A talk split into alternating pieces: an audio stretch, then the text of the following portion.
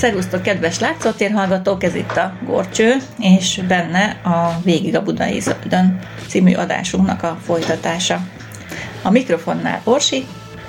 És nyöző, valamint a bagira játszik a háttérben. Igen, kicsit hangos lesz, előre is elnézéseteket kérjük, de nem akarjuk megszakítani a kis játékait.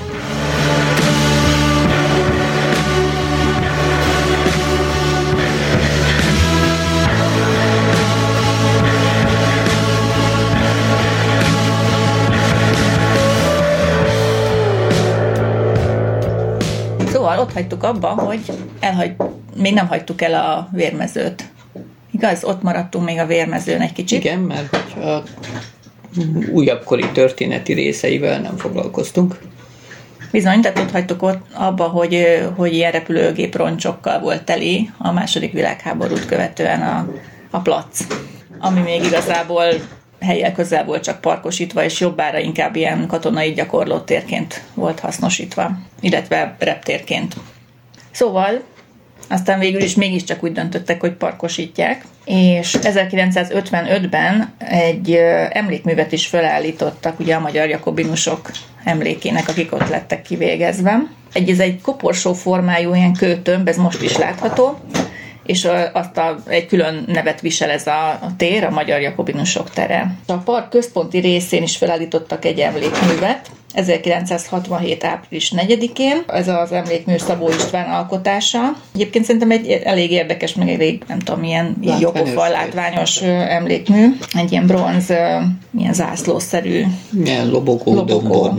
Igen a budai önkéntes ezrednek az emlékére, ami egy ilyen antifasiszta emlékmű, annak a 2500 katonának állít emléket, akik Variházi Oszkár alezredes parancsnoksága alatt a Vörös Hadsereg oldalán részt vettek a főváros felszabadításáért folytatott harcokban 1945-ben. Tehát 1979-ben a Nemzetközi Gyermekévben játszóteret is építettek a a déli Mikó utca felőli oldalon. Ezt 1996-ban újították fel Csorba Vera tervei alapján, egy főkert tervei alapján, és be is kerítették. A játszótér egyik nevezetessége Kis István szobrászművésznek a szitakötős csobogója, és mhm. erről el is nevezték a játszóteret szitakötő játszótérnek. Ez egy elég, elég jó pofa kis szobor, majd találtok képet. Tehát a... ez mikor is készült, mert emlékszem, arról csináltam én is fotót. Hát ez a 79 után valamikor, tehát a 90-es évek és a 79 Mert nekem között. valahogy ez a szitakötő Aha. nem volt meg. Igen, akkor lehet, hogy ez a 90-es évek 96-ba kerülhetett oda. Persze, Na, hát, az, is igaz, hogy, meg. az is igaz, hogy 96 környékén már nem járogattam túl gyakran játszótérre. nem és meglepő. amikor játszótérre járós korszakon volt, akkor se arra felé laktunk, tehát uh-huh Hát én is ritkán jártam a vérmező fele, az igazság, nem igazán volt arra fele um, dolgom, így, hogy gyalogosan arra menjek. Úgyhogy ez valószínűleg akkor a játszótér felújításkor kerülhetett oda 96-ban. Aztán a 70-es években volt a vérmezőn egy ilyen minigolf pályával és mesterséges patakkal kiépített kiskert és évelő bemutató rész is az egy ilyen elég érdekes dolog, ezt gondolom ilyen kísérleti jelleggel volt ez a mesterséges patak, meg kiskert, mint hogyha ilyen kis házi kerteket alakítottak volna, ilyen kis bemutató lett volna.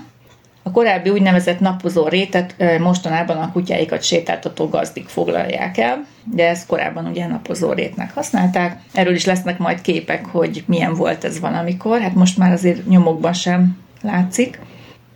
A Pargon állították fel 1986-ban Varga Imre szobrászművésznek a Kumbéláról készített szobrát is, 1919 emlékére, ugye Kumbéla születésének századik évfordulójára. Ezt 1992-ben le is bontották, tehát összesen 6 évet állt ott. Nem meglepő módon. És a Budatétényi Memento Parkban látható most.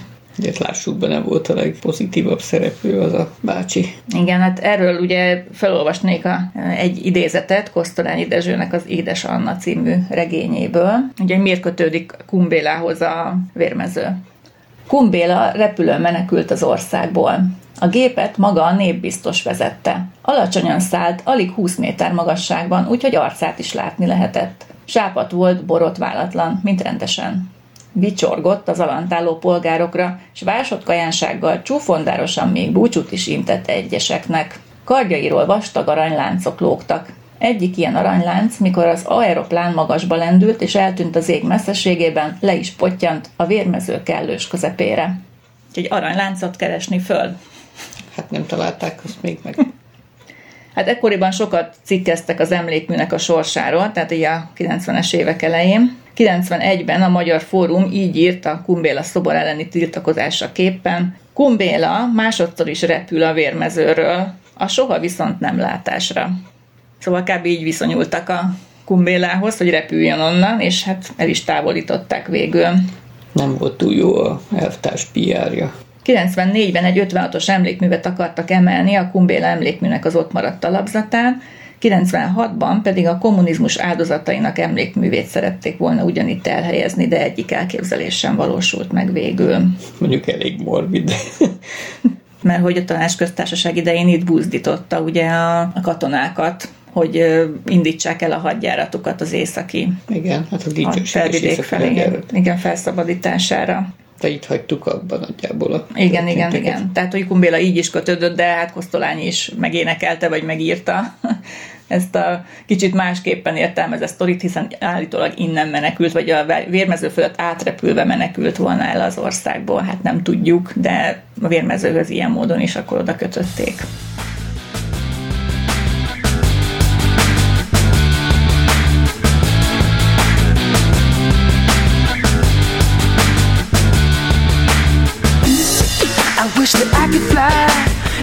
Sky so very high, just like a dragonfly.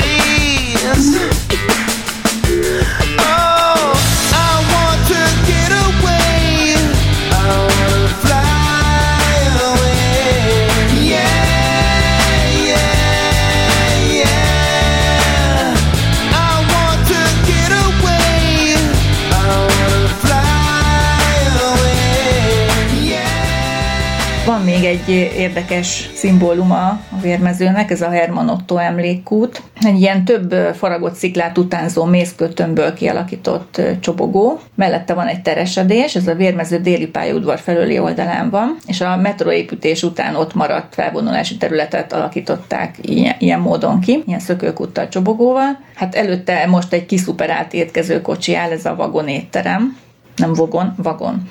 Hát egész más, igen, mert a vogon konyha az egy kicsit versekkel dúsított. És a szökőkutak nincsenek használatban, tehát le vannak fedve, és igazából nem is érvényesülnek amiatt a vasúti kocsi miatt, és már sok éve nem működik ez a, ez a tér térként. Az Attila úthoz közeli oldalon a budai önkéntes ezred emlékműve mögött áll Babics Mihály szobra, az is egy viszonylag új, újonnan felállított szobor. 2008-ban állította fel a budavári önkormányzat, ugyanis Babics kötődik szintén a vérmező, az élete utolsó tíz évében a közelben lakott a feleségével. A szobor Marton László szobrászművész alkotása, mellette pedig a föld alá sűjesztve épült meg 2007-ben az elműnek egy transformátorháza, de szerencsére ezt tényleg elég jól elrejtették, hogy sikerült el elrejteni, és ennek a szellőző aknájának a kővel burkolt oldalfalára az első kerületnek a díszpolgárai által válogatott és kézzel felírt Babics idézetek olvashatók elég nagy méretben, hogy tényleg messzebbről is elolvashatók legyenek. És szerencsére ez az álca olyan jól működik, hogy Isten igazából nem tűnik ezt a fóháznak, hanem sokkal inkább egy emlékműnek, tehát sikerült. Igen, ez egy jó pofa ötlet szerintem. Azon kívül meg tényleg ezek a Babics idézetek viszonylag ismertebb műveiből valók, és kicsit szerintem így mindenki jobban megismerheti Babics gondolatait. A játszótér mellett pedig van egy magasabban fekvő partterület, ezt 2011-ben újították fel a Főkes stúdiónak. Tervei alapján Szalkai Adrián volt a tervező. Mai állapotában a park egy egységes koncepció nélküli kicsit vegyes képet mutat. A játszótér környéke és a Babics emlékmű környéke szépen fel van újítva, de ugye a többi rész az nem igazán. Valószínűleg született már terv a teljes felújításra a főkert tervező részlegénél, de a szita kötővel ellentétben a teljes átalakulás még várat magára. Tehát folytatva utunkat az Ördögárok patak egykori völgyében, a zöldjelzést követve elérkezünk a Városmajorba. Ugye mindenki tudja nagyjából, hogy hol helyezkedik a Városmajor, ezt nem nagyon kell elmondanom. Mai formájában ez egy 98 ezer négyzetméteres, vagyis majdnem 10 hektáros közpark, és Budapest egyik legrégebbi közparkja, Budán pedig a legrégebbi közpark. Gondolom akkor a Városliget Pesten meg a Városliget, igen. Az az érdekessége, hogy ez sosem épült be, és a Városligethez hasonlóan egy elég mocsaras, vizenyős terület volt, jelesül ugye itt van az ördögárok patak, ma most nem látszik, de nagyon sokáig itt volt befedetlenül, és hát az ugye időnként kiöntött, és legeltetésre, kaszálásra lehetett használni a területet, nem meglepő módon. És a budai várnagy kaszáltatta is ezt a területet, mint ahogy a vérmezőn is volt ilyen kaszáló korábban. 1724-ben bizonyos gróf Daun Henrik József várparancsnok még majorságot és villát is építetett a területére, hát nyilván egy magasabban fekvő részre, nagyjából a Városmajor utca vonalában volt ez a majorság. Most keresem a német nevét, de jól emlékszem, a Kostadtmayerhof, ez volt a német név. Ennek egyik melléképület, ennek a villának a melléképülete ma is áll egyébként a Városmajori óvoda kertje mellett. Ez, a, ez a, ilyen formában a kerületnek az egyik legrégibb épülete. És ma a főkertnek egyébként a telephelyének az egyik épülete, hát nincs túl jó állapotban és be is van kerítve, meg olyan elhanyagolt az egész környezete. Hát az szomorú. Ja, hát a főketnél azért ilyesmikre nem nagyon van pénz, hogy telephelyet újítsanak meg ilyesmi. Örülnek, hogyha a zöld területeinket rendbe tartják a fővárosban. A Daun Henriktől 1730-ban, más források szerint 1729-ben megvásárolta a területet a budai városi tanács, hosszas pereskedés után sikerült végre megkaparintania, mert ugye ez viszonylag értékes volt a város számára is. 1731 és 83 között itt zöldségkertészeknek adták bérbe, de nem hozott állítólag nagy hasznot a városnak. Más források szerint viszont a kertészek is elégedetlenek voltak, mivel hogy itt is hadgyakorlatokat tartottak, és azok meg ugye... Mint a kardvirágok? a kardvirágok gyakorlatoztak. Szóval a kardvirágok között tartottak gyakorlatot, és na mindegy, szóval a kertészek panaszkodtak rá, hogy tönkre teszik a termőföldjüket, és utána nem tudják, mondom, nehéz volt utána megművelni uh-huh. és mhm. újra termővé tenni. Szóval ők is fel akarták bontani a bérlet, bérletet, meg a város is, és megpróbálták árverésre bocsátani 1783-ban a területet, de nem igazán sikerült, szerencsére nem került magánkézbe a terület, és nem sokkal ezután, 1785-ben jött második József rendelete, hogy közkerté nyilvánítják inkább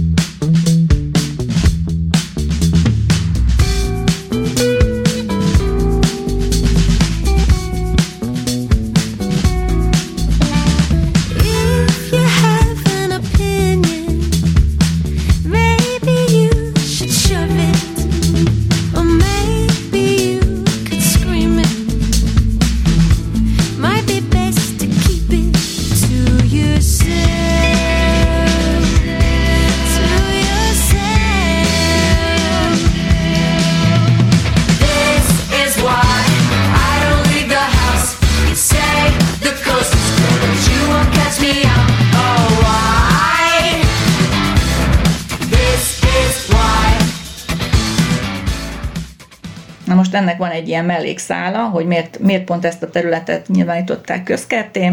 Én azt olvastam róla, hogy ugye második József a budai oldalról ezt az első magyar mérnökképző intézetét, ami Európában is az első ilyen mérnöki felsőfokú képzés volt, az Budáról áttette Pestre, és a Budai Egyetem ilyen formán ugye megszűnt, és a, ott viszont volt egy botanikus kert, mert hogy az is hozzátartozott a mérnökképzéshez, illetve az egyetemi képzéshez akkoriban és a botanikus kertet akarta ugye közkerté nyilvánítani. Csak hogy a Budavárosának ez egy sokkal értékesebb terület volt, és inkább fel akarta parcelláztatni és kiosztani, ugye eladni, és felajánlotta inkább ezt a városmajori területet, hogy inkább ezt alakítsák át közkerté, mert ez kevésbé volt telkek szempontjából értékes, mert ugye ördögárok, patak, uh-huh. stb.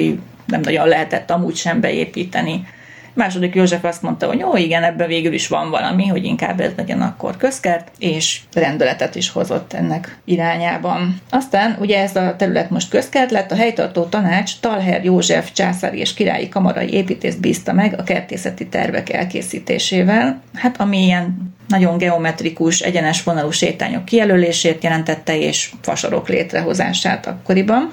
Uh-huh. 1787-ben hozzá is fogtak, és 3000 facsemetét ültettek el. Mértanilag szerkesztett sétányokat hoztak létre, az egyik fő tengely pedig pont a vendéglővé átalakított Daun villára irányult. Hát nem meglepő módon oda kellett vinni az éhes emberöket. Tehát ezek szerint a Daun villát is hasznosították, abból egy vendéglő lett, amire szükség is volt. Igazából, ha belegondolunk, egy nagyon jó helyen feküdt az egész közkert, ugye hamar közkedvelté is vált, mert elég közel volt ugye a budai hát beépített Óbuda, területekhez. Óbuda meg ugye a dél-budai részek között ott beékelődve gondolom pont. Igen, tehát ideális helyen volt ahhoz, hogy mondjuk kicsit, ha valaki ki akart mozdulni a városi forgatagból, bár akkor még ugye közel se volt olyan forgatag, mint mostanában. Mindenkit az zavar, ami éppen van körülötte. Tehát. De hogyha kicsit a zöldbe vágyott a pesti polgárság, akkor megtehette viszonylag kis távolság megtételével. Úgyhogy lehetett itt piknikezni, lovagolni, sétálgatni. Illetve beülni a vendéglőbe, vadászni egy kicsit. Mert onnan a vendéglő, Uh. Szóval az akkoriban divatos francia kerteknek a mintájára alakították ki ezt az egészet, ugye voltak benne allék, amik ugye ilyen nagyon egyenes vonalú fasorok, akár dupla fasorral is, amin lehetett lovagolni, kocsizni, sétálni ugye a két szélén, és rondókat, az meg ugye a kerekformájú, is egy fasorral körbevett kis terecske, ott meg lehetett fordulni a kocsival többek közt, elég széles volt, és ebből a legkorábbi parkosításból származó fák közül már sajnos egy sem él, legtovább még a szilfák álltak. Meglepő módon.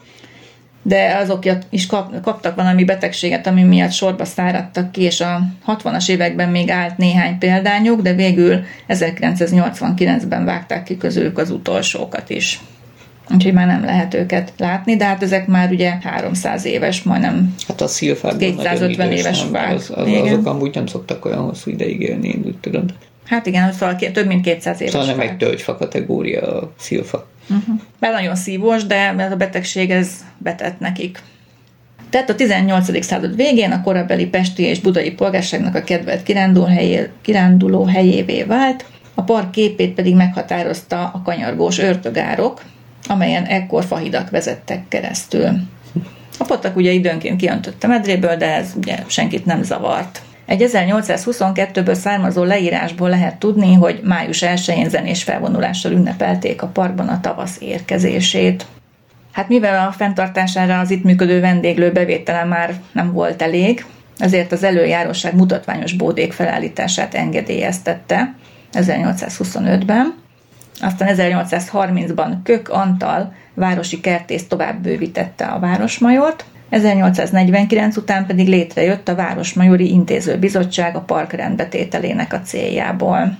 1871-ben készült el a parknak az első térképe is, aztán 1873-ban megépült a Svábhegyi fogaskerekű vasút végállomása a partnak az északnyugati részén, tehát most is ott áll ugye a fogaskerekű Pontosan. végállomás. Tehát én ezt nem gondoltam volna őszintén szóval, hogy ez ennyire régi, 1873-as.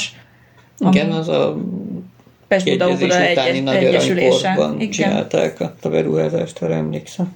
Ami most egyébként 60-as villamos jelzéssel működik, ezt tudtad? Hogy az a... Azt, hogy számot kapott, azt tudtam, de hogy 60-ast, azt nem, mert fogaskerekűből olyan túl sok nincsen, tehát igen, fogaskerekű, igen, fogaskerekű. Hát, hogy valaminek elnevezzék, és a villamosokhoz sorolták, Hát és azért, mert ugye elektromos meghajtású, tehát, és kötött pályás, tehát akkor ezt végül absztrahálhatjuk villamossá, ha így nézzük. A 19. század végén a vursdi jellegű felhasználás miatt a park állapota és ezzel együtt a közbiztonság is jelentősen romlani kezdett. Ugyan ugyanaz volt, mint a Városligetnél, hogy beengedték a mutatványos bódékat a vurslit, és innentől kezdve ugye lehasználták az emberek, mert olyan tömegben érkeztek, és bámészkodtak, és és mulatoztak, hogy nem volt már az a fenntartó, aki itt a gyepet mindig rendbe hozta volna egy ilyen embertömeg után. 1800-as évek végén sok mulató hely is üzemelt itt, ezek közül a leghíresebb a Majomhoz címzett volt. Egyébként most is van valamilyen... Azt hittem a fogaskerék. hát van most is sok egység a környéken, park környékén, de ez a majomhoz címzettet is én, én láttam, ma, én magam nem jártam benne, de hogy ez még most is megvan, legalábbis névben.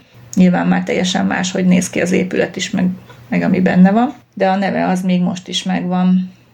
És hát innentől kezdve, hogy egy rengetegen használták, és a környék is kezdett beépülni egyébként, tehát ilyen mindenféle nyaralók kezdtek a környéken épülni, a Városmajor utca, és ugye a Svábhegy is kezdett már így nyaralókkal hát beépülni. Főleg az alsó szakaszai, tehát a Szélkálmán tér felőli sarkai azok épültek be, gondolom a leghamarabb. És a csatornázottság meg ugye sehol nem volt még. Innentől kezdve ugye a szennyvíz hova folyt be? Hát így a Városmajor területére és bele az ördögárokba. Az ördögárok meg itt ezen a részen nem volt befedve, úgyhogy egyre, egyre több problémát okozott, főleg amikor ugye ki is öntött ez az ördögárok, akkor ugye sodort aztán mindenféle szemetet meg szennyvizet magával, és a higiénia is kezdett kritikussá válni a területen és végül a rendszeres panaszokra reagálva 1885-ben a Székes főváros tanácsa elhatározta a városmajor rendezését ismét.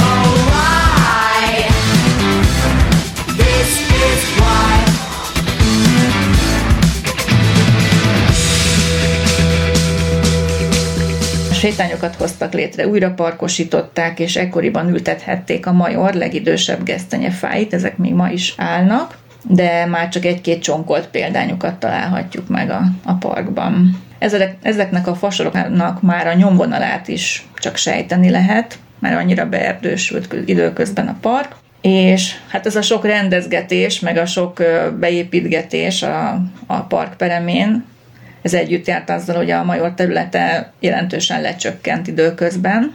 Többszöröse volt a mostani zöld területnek. Kiparcellázták a mai Ignotus utca és a Szélkálmán tér közötti területet is ekkoriban, tehát ez a 19. század vége, és hát felmerült ugye, hogy itt is befedjék az ördögárkot, amit végül 1917 és 20 között orosz hadifoglyok részvételével fették be és a föld alá kényszerítették az ördögároknak ezt a szakaszát is, hiszen már a tabáni szakasz akkor megvolt, már uh-huh. a 70-es évek óta, 1870-es évek óta. És ekkor egy újabb park rekonstrukcióra volt szükség, és ekkoriban épült a park területére, például a Csaba utca mentén az 1923-ban felépült úgynevezett kis templom, ugye Árkai Aladár tervei alapján, amely most ilyen közösségi házként funkcionál, de tartanak benne időnként miséket is. És mivel ez már kicsinek bizonyult a hívők számára, ezért 32 és 33 között felépült a nagy templom, a Városmajori Jézus szíve plébánia templom is, ezt is Árkai Aladár és fia Árkai Bertalan tervezte, és ez egy teljesen más stílusú épület egyébként, mint a kis templom, hiába azonos a tervező, szóval ez is nagyon érdekes. Hát meg úgy általában, mint amilyen képzetek társulnak a templomok forma világához, ahhoz képest ez azért elég formabontó. Igen, hát a kis templom is inkább egy ilyen villaépületre hasonlít, amit Árkai már több villát tervezett ebben a stílusban, és több református templom, hiszen a fasori református templom is a, az ő nevéhez fűződik többek közt, és inkább meg itt egyébként itt, ha kinézünk az ablakon, Vekerletelep nek a házainak a stílusa is ez a bizonyos ilyen kóskárolyféle népi építészeti stílus volt. Hát most ehhez képest viszont az a városmajorja az meg inkább ilyen absztrakt valami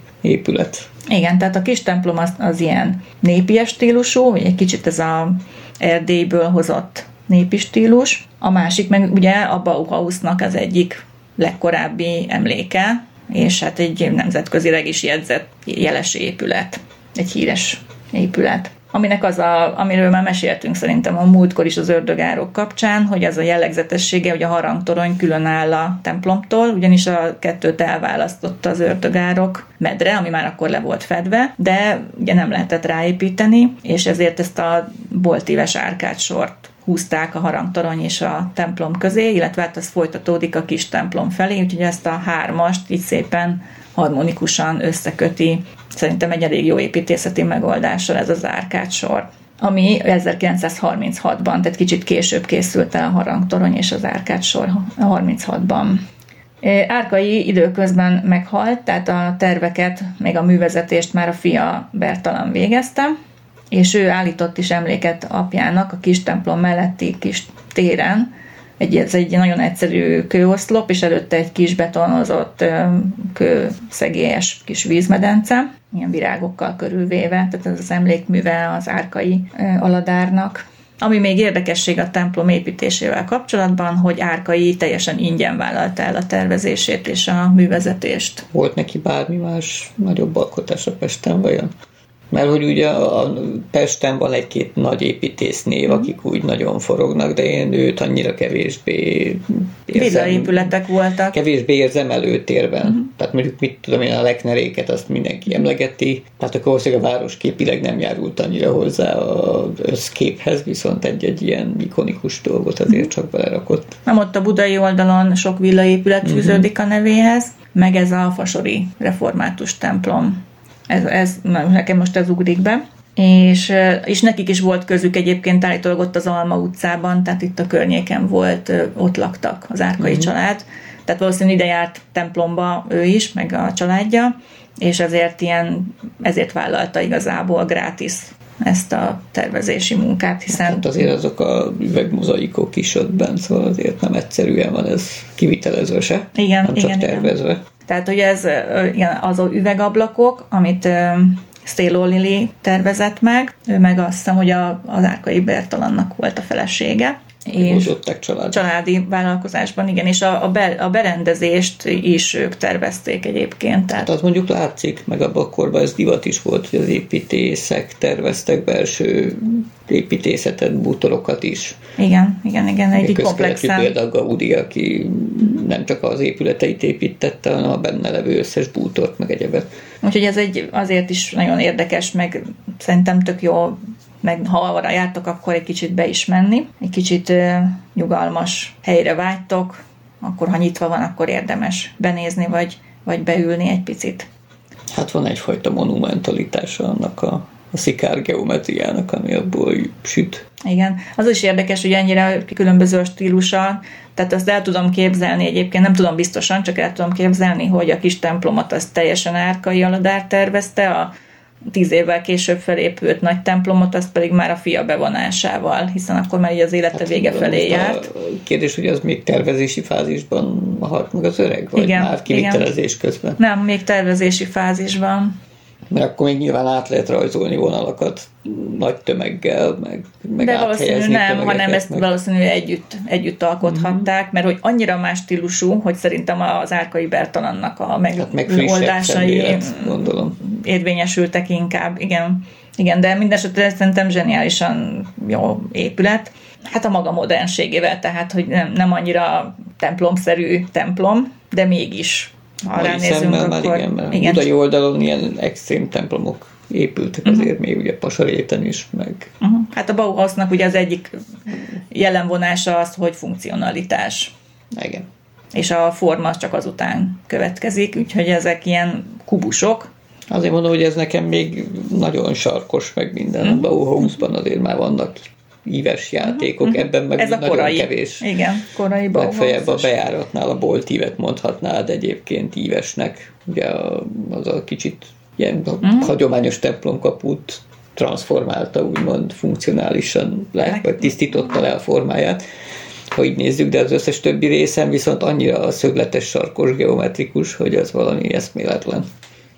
Úgyhogy ez a utolsó munkája volt ez a templom, és szerintem hát van annyira jó, mint a többi, többi is rossz, amit ismerek közülük, de, de teljesen más, teljesen másképp jó hogy mondjam, nincs másik ilyen épület, ami, tehát az annyira jellegzetes és annyira könnyen felismerhető, hogy, és aztán sok építész ebből a templomnak a formavilágából, meg funkcionalitásából indult ki a saját terveinek az elkészítéséhez, tehát, tehát egy, igazából egy oktatott iskola példa mai napig. Ihletforrás. Igen. Tehát ami hogy egyetemisták, az építészek gondolom, hogy biztos, hogy tanulnak ebből hogy hogy kell egy templomot mai modern formában megalkotni, hogyha mondjuk ők kapnának ilyen megbízást, biztos, hogy visszanyúlnak ezekhez az elvekhez.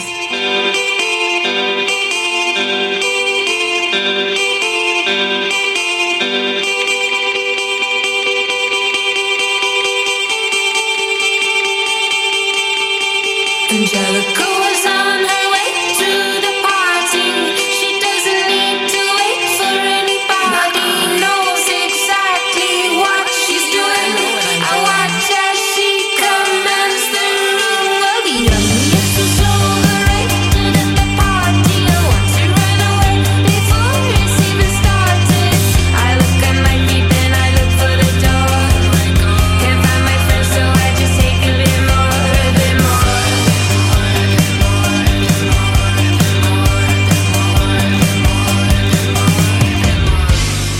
A második világháború alatt Budavárának ostroma után szükségtemetőként és törmeléklerakó helyként használták, vagy hát azzá vált. A szükségtemetőnek van ugye ez a szomorú vonzata, amihez most nemrég volt évforduló, ez a kitörés napja, akkor február 11-én kitört Amikor az ördögárokban menekültek. Igen, az ördögárok alatti a befedett ördögárok egy medencéjében menekülve próbáltak kitörni a várból a magyar és német csapatok, és hát több százan lelték halálukat a kijövetelkor, illetve magában a, az alagútban. És hát a román takarítást követően sajnos ismét kihasítottak egy nagyobb területet a zöld felületből, ugyanis a délnyugati részén a Majornak kialakult a Maros utca és a Városmajor utca közötti rész, az akkor épült be, tehát az 50-es évek elején, és akkor kerültek be a sportcsarnokok, a sportpályák, a teniszpályák, akkor épült a, a szabadtéri színpad, bár annak volt egy előzménye, ezt majd így külön szeretném elmondani. És a Városmajor Gimnázium az viszonylag a legkésőbbi épület, ugye a Kóskároly iskola az már ugye megvolt a Városmajor utca másik oldalán, az is ilyen olyasmi, mint az árkai stílus, kicsit ilyen mm-hmm. Kóskároly stílus, és a Városmajor Gimnázium 1989-ben került bele, ez egy viszonylag ilyen modernebb kialakítású épület, de sajnos az is egy hatalmas területet vett el a parkból, így hogy így alakult ki végül is ez a 98 ezer négyzetméter zöld felület. Aztán, hogy mik vannak még a parkban, ugye hát említettük már talán a játszóteret, de ezt már az 1920-as években építették, amely nagyon korai játszótér kialakítás volt, mert nálunk a tízes évek 12-ben épült az első játszótér, hogy utána néztem, az pedig az állatkertbe volt és utána elkezdték a sorban építeni ezeket a modern felfogású, tehát hintával, csúszdával, homokozóval megépített játszótereket, ilyen kis körhinta is volt sokban. Na szóval ebben a felfogásban építették a 20-as évek elején ezt a játszóteret, amit aztán tovább bővítettek, és a második világháborút követően felújítottak, és 1967-ben kibővítettek újra a gyermekév alkalmából, tehát mindig kellett egy ilyen projektet létrehozni rá, hogy akkor most minek az alkalmából is épül valami. Tehát akkoriban még nem volt uniós támogatás, hanem kellettek ezek a öt éves tervek, meg kellettek hozzá ezek a... Meg a hitelfelvételek. Igen. Hát 67-ben igen. Nem, hát voltak komoly hitelválságok mm. voltak Magyarországon. Szóval ez egy mintajátszó térként épült 67-ben Dalányi László és Mester Jenő tervei alapján. Ennek a korszerűsítését végezték el 98-ban, Csorba Vera tervei szerint, akit már említettem ugye a vérmezőnél is. Ekkor bekerítették, és korszerű játszóeszközöket és vizes játékokat is helyeztek el benne, és a korábbi játék kölcsönző épületéből egy parkörházat és raktárt alakítottak ki. Tehát itt volt játékkölcsönző, és majd beteszünk képeket a galériába, és akkor láthatjátok magát a játékkölcsönzőt is. Itt a kis négykerekűző, meg kis autózó gyerekeket. A pedálos moszkvicsot. A pedálos moszkvicsal. Tehát ezeket mind ott lehetett kölcsönözni. És ez egy nagyon korszerű gondolat volt akkoriban, meg ilyen nagy játékelemekből lehetett építeni, amit gondolom, hát, hogy meg való praktikus volt. is, mert ilyet azért úgy nem cipeltek el messzebbről a szülők. Tehát ha valaki nem tudta, mondjuk emeletes házban lakott, akkor azért azt ott lecigölni, azt a eléggé nagy darab fém játékot, azt azért na, Na és akkor milyen szobrok vannak itt, mert ugye szoktunk a szobrokról is beszélni. A parkban áll Hüvelyk Matyinak a szobra, Telcs Ede alkotása, de ez már sajnos nem az eredeti. Eredetileg a nagy játszótéren állították föl, hát hiszen odavaló Hüvelyk Matyi, ugye a gyerekek játéka volt. Akkor egy ez ilyen... csak egy egész kicsi szobor. hát nem nagy szobor, egy ilyen posztamensen állt, egy viszonylag magas kőből faragott posztamensen, és körülötte volt egy ilyen tojáshéj formájú ivókút medence, tehát ez egy ivókútként funkcionál csinált már akkor is. Posztamens alatt ezt az oszlopot, talapzatot érted? Igen, tehát ez egy kútszobor volt, egy bronzból készült, hát elég hányattatott sorsa volt szegénynek, mert 54-ben áthelyezték a, innen a játszótérről a Vidám Parkba, hiszen oda is gondolták, hogy jól fog illeszkedni, majd 81-ben kútszoborként újra visszakerült a Városmajorba. Mert valaki rájött, hogy onnan vitték át? és később innen ellopták. Tehát, hogy 90-es években, ugye, amikor a bronzot, mindenféle bronz, meg fém dolgokat, azt, a színes fémet különösen, azt így meglovasítottak. Nem volt egy akkora méretű szobor, amit ne tudtak volna egy teherautóra mondjuk felpakolni, ezt elvinni. Hát meg gondolom a park közepén ott az éjszaka leple alatt könnyen el lehetett tüntetni, aztán elcipelni. A szabadságszobrot már nehezebben tudták volna, tehát ez az maradt. Hát fönn van ugye a hegy tetején. Magasan onnan... is volt, meg túl nagy is. Na, de egy ilyen kis picit, amit ott le lehet vágni az éjszaka leple alatt, aztán egy ronyba betekerve simán kisétálnak vele. És hát ebből tanulva végülis újra alkották dekőből, tehát újra faragták, és már nem is a játszótéren állították föl, hanem ott van valahol a Városmajori templom mögötti részen. Uh-huh. vannak ilyen asztalok, meg székek, meg sakkasztalok, meg nem tudom ilyesmi, és ott van ez a szobor. Nincs Mátyás szobra. Aha, és az is érdekes, hogy ennek is van egy másolata, Baján, és az alapján faragták újra ezt a, ezt a szobrot, ami most itt áll. Uh-huh.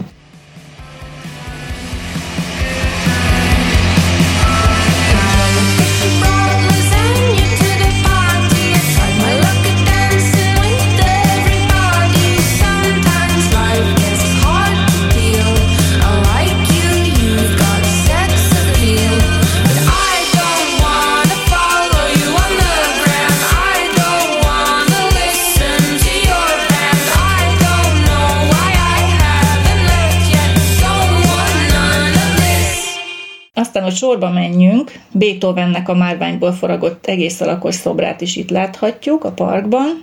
Akkor egész komoly zeneszerző adag van itt a zöldre fölfűzve, mert ugye már Chopinről, uh-huh. meg már beszéltünk. Meg Haydnról. Meg Haydnről, igen. Most Beethovennek ő is kapott szobrot. Horvai János szobrászművész alkotását állították ide az egyik kereszt irányú sétány mellé. 32-ben vásárolta meg a főváros, és a Maros utca, Temes utca találkozásának a közelében állították fel. A szobor egyébként az 1929-es barcelonai világkiállításon aranyérmet nyert, és ezt követően került ide. No, tessék. Uh-huh. Csoda komoly alkotások. Aztán itt van még egy másik viszonylag szép, vagy nívós alkotás. Az első világháború tábori vadász zászló aljának állít emléket, Kisfaludi Strób Zsigmond műve, amelyet 1941-ben helyeztek el a Városmajorban, tehát jobban dúlt a második világháború. Megemlékszem, volt már ilyen cím, szóval megemlékeztek az elsőről. Igen, és ez utal is egyébként a kettőnek a kapcsolatára. Tehát ez egy bronzszobor, aminek az, az a témája, hogy az első világháborús magyar veterán katona üdvözli, vagyis kezet fog egy második világháborúban harcoló rohamsisakos bajtársával és a háttérben pedig első világháborús harci cselekmények láthatók ilyen kőbe domborművön. 1949-ben azonban már ez nem volt népszerű, ez a meglátás, ugyanis a, ez az első világháborús veterán katona, ez egy ilyen tollas kalapot csendőrkalapot viselt. Mm-hmm. És hát, hát meg ilyen... egyébként is imperial, imperi, imperial pista. Szóval ez a, miatt a kalap miatt a szobrot egyszerűen lefejezték, tehát le, levágták szegény katonának a fejét, és hát közel volt ahhoz, hogy el is távolítsák az egész emlékművet, de hát Kisfaludinak a neve ugye azért elég jól csengett az elvtársak uh-huh. fülében is, hiszen a szabadságszobor, Akkor ezért volt itt is kivégzőhely? Ezért volt itt is kivégzőhely, mert levágták a fejét a szobor? Nem, ez majd egy később elmondom, hogy mi volt, ez egy sokkal korábbi sztori. Szóval a szobor megmenekült végül, mert Kisfaludinak a szobrát nem lehetett csak úgy onnan befejezni, hanem raktak egy leltári címkét, és elrakták, gondolom. Tehát valahol. újra alkottattak egy újabb fejet. Igazából megkérték a szobrászművészt, hogy ugyan már, figyelj már, zsiga, csinálja. Elvesztette a fejét, szegény. Csinálja már egy olyan fejet, ami mondjuk az elvtársak számára is elfogadható lesz, és akkor csinálta ezt a csákós katonafejet. De nem lesz egyszerű lefaragni ezt a tollat. Már bocsánat, tehát nem mindegy. Tehát ha a toll zavar, akkor leszedjük a tollatóra, és akkor Na mindegy, is. ha találtok olyan fotót, képet, bármit, amin még az eredeti gender kalapos katona van, akkor azt legyetek szívesek, meg, meg osszátok meg velünk is, jó? De én nem találtam olyat, én csak erről a, az új szoborfejesről, tehát igazából nehéz, mert 41 és 49 közötti időszakból kellene fotót találnotok. Szóval egy ilyen, ideig még fejetlenül is volt. Egy ideig, ha, igen, ha olyan fotót látok, ami fejetlen, akkor ez még nagyobb kuriózum szerintem. Szóval egy honvéd sapkát visel most a, az első világháborús katona. 74-ben állították fel, az szintén a játszótérnek a, a közelében, de sajnos erről nem találtam, hogy hol pontosan. Biztos meg lehet találni valahol eléggé eldugva. Eugenio Espejo, eszkvádori függetlenségi politikus, orvos, haladó szellemű természettudósnak a melszobrát, ez, ő a 18. században élt, tehát nem is egy mai figura. Ez is egy bronz melszobor, egy talapzaton, és ez az ekvádori Quito, ugye a főváros önkormányzatának az ajándéka, Budapestnek, illetve a magyar népnek ez a felirat tanúsága szerint egy ilyen bronz táblácskán látható is. Hát ezt a melszobrot szintén ellopták, mert ugye ez se volt egy olyan nagyobb méretű, és 2001-ben állították fel újra, tehát akkor már egy újabb bronzszobor került a helyére. Az, hát az eredetire valamennyire hajaz, de egy magyar szobrászművész, most meg nem mondom, hogy kicsoda, mert ezt sajnos nem írtam föl, hogy ő neki az alkotása 2001-ből. Tehát uh-huh. hasonlít a, az eredeti a, Hát csinált a fényképekről, de... szóval egy új változatot. Egy rajzokról, mert éppen ugye... jött valami kolumbiai, egy izé, ekvádori küldöttség, és milyen ciki lett volna már, hogy nincs meg a szobor. Igen. És gyorsan csináltak egyet. Igen, és az avatáson ott volt a pokorni mellett a az ekvádori éppen leköszönő nagykövet is, és hát nagyon örült neki, hogy ezt a szobrot sikerült mm-hmm. újból felavatni. Hát hoztak egy új nagykövet, és abból kifaragták a szobrot. Na, és ezt azóta nem lopták el szerencsére. Reméljük, hogy színes filmgyűjtők nem hallgatják az adást. Itt adjuk nekik a tuti tippeket de ez már kicsit nagyobb méretű, szóval tanultak szerintem az esetből, hogy ami mozdítható, az el is viszik.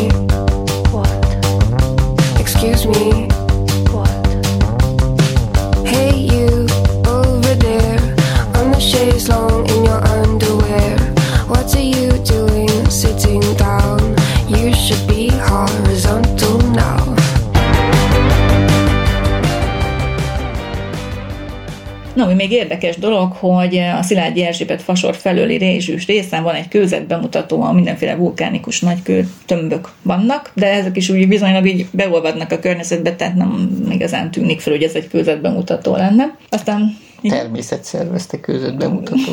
Igen, de nem maguktól kerültek oda a kőtömbök természetesen.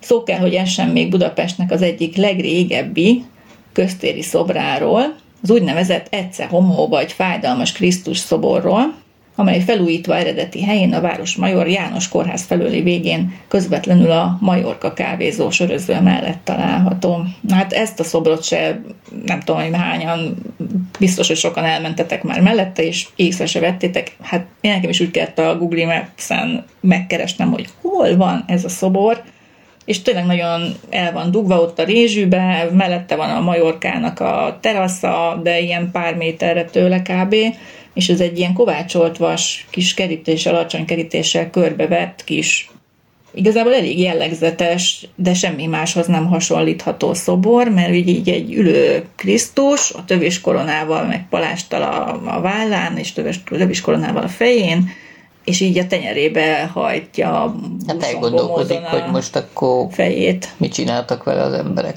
tudod? Íme az ember.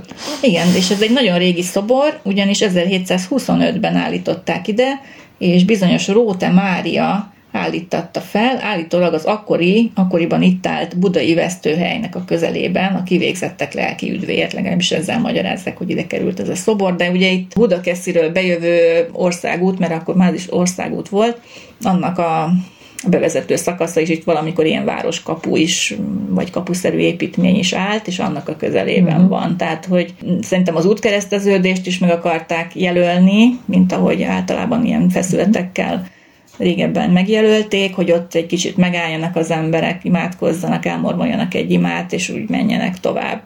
De valószínűleg a vesztőhelynek a közelsége is befolyásolta ennek a, az elhelyezését. Találtunk egy 1869-ben készült szabályozási helyszínrajzot, ahol látható, ez a kis szobornak a helye is, a vesztőhelyként használt akasztófa is meg van rajta jelölve, és az volt az Ecce Homórét, hát így nevezték el a, az emberek ezt a vesztőhelyként használt kis teret. Tehát nem is olyan kicsi volt, ezért tulajdonképpen a mostani Városmajori Gimnázium meg a Sportpálya mhm. Komplexum a János Kórház felőli Nem ilyen végén. szép név már így egy ilyen mm. vesztőhely mellett, nem? Tehát úgy... Igen.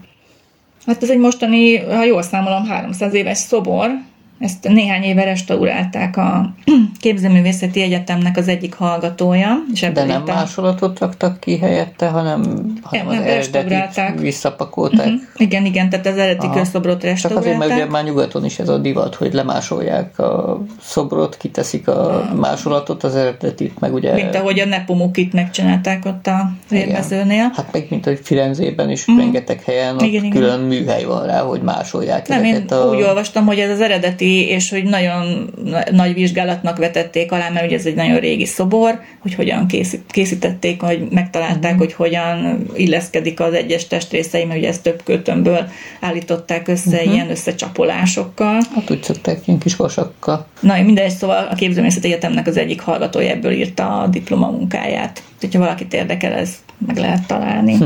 De mindesetre annyira, hát visszatették az eredeti helyére, tehát nem egy kiemeltebb helyre rakták, hanem, hanem ugyanoda rakták vissza, ami, hát nem hát, tudom. Meg egyébként sem méretében se egy hibalkodó szobrocska, mert amikor Igen. mutattad a képen, én is úgy kerestem, hogy hol van. Igen, tehát annyira beleolvad a környezetébe, meg annyira nem látványos így, tehát így visszarakták tulajdonképpen egy ilyen elsúvasztott helyre. Tehát én nem tudom. Hát egyszer ott volt eredetileg. Értem én, hogy a korhűség, meg az eredetiség, meg minden, de annyi szobrot áthelyeztek már itt össze-vissza, hogy ez meg fura, hogy ezt meg nem.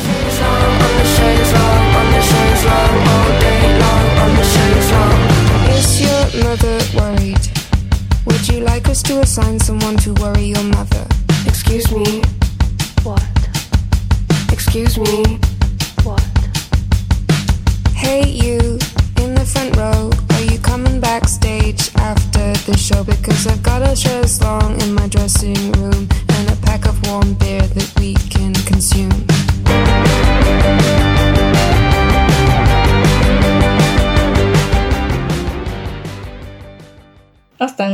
érdekes történetekre akadtam, ugyanis a Városmajor híres volt a kútjainak a jóízű vizéről is, és a várba is hordtak innen vizet valamikor. Ezekre a gyógyvizes kutakra alapozva hozta létre dr. Siklósi Károly a Városmajori Vízgyógyintézetet 1853-ban.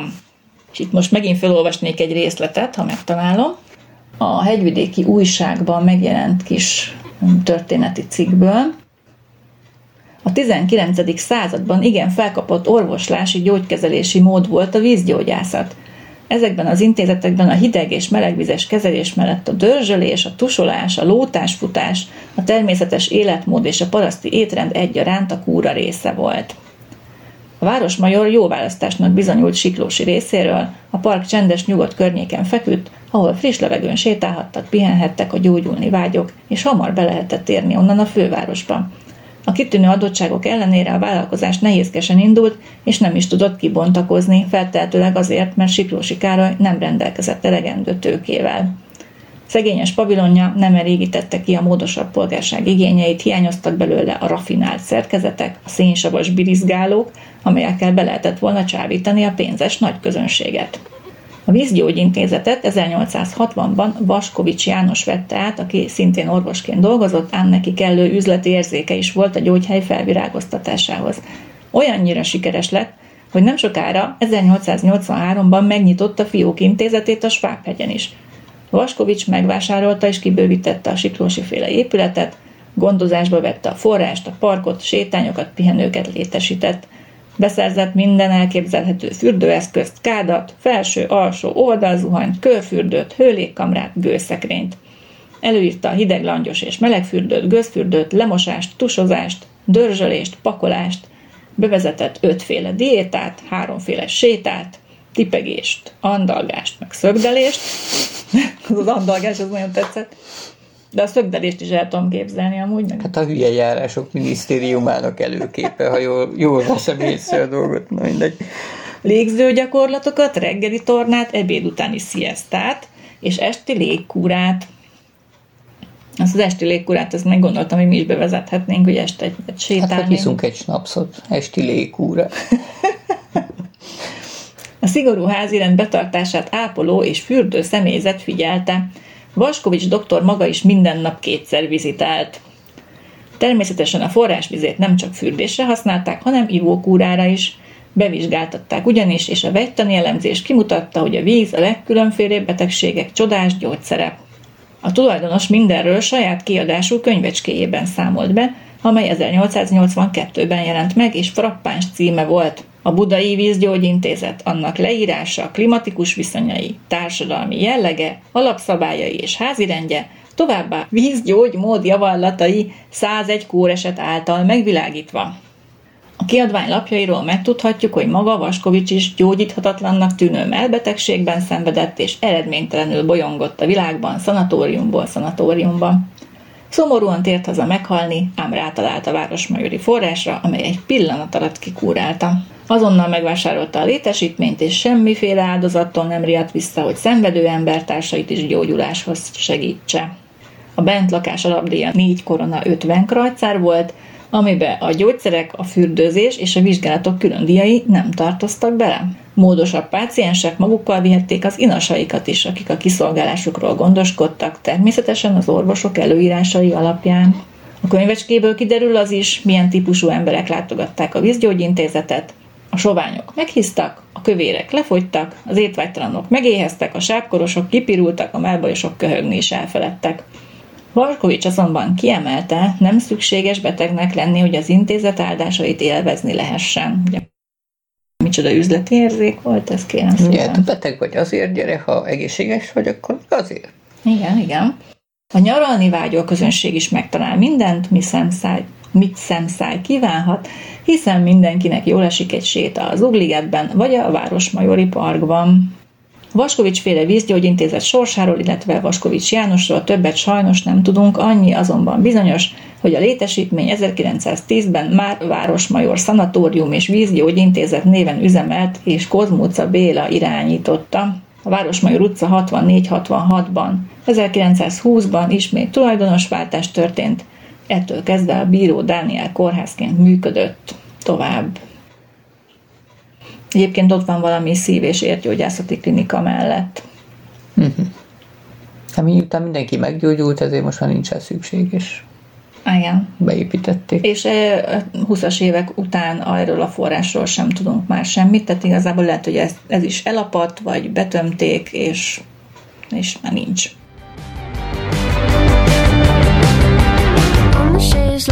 The chaise long, on the chaise long, all day long, on the chaise long, on the chaise long, on the chaise long, on the chaise long, all day long, on the chaise long, on the chaise long, on the chaise long, on the chaise long, all day long, on the chaise long, on the chaise long, on the chaise long, on the chaise long, all day long, on the chaise long. Viszont rossz hírem van, adáshoz ellen nem hat a gyógyforrás, vagy uh-huh, vízforrás. Uh-huh, uh-huh. Szerintem ennyi fért a mai adásba, és majd legközelebb, is. legközelebb is lesz témánk legalább, és akkor várunk benneteket vissza. Addig sétáljatok, földécseljetek, Tipegjetek. Igen. és szép estét nektek. Sziasztok! Sziasztok.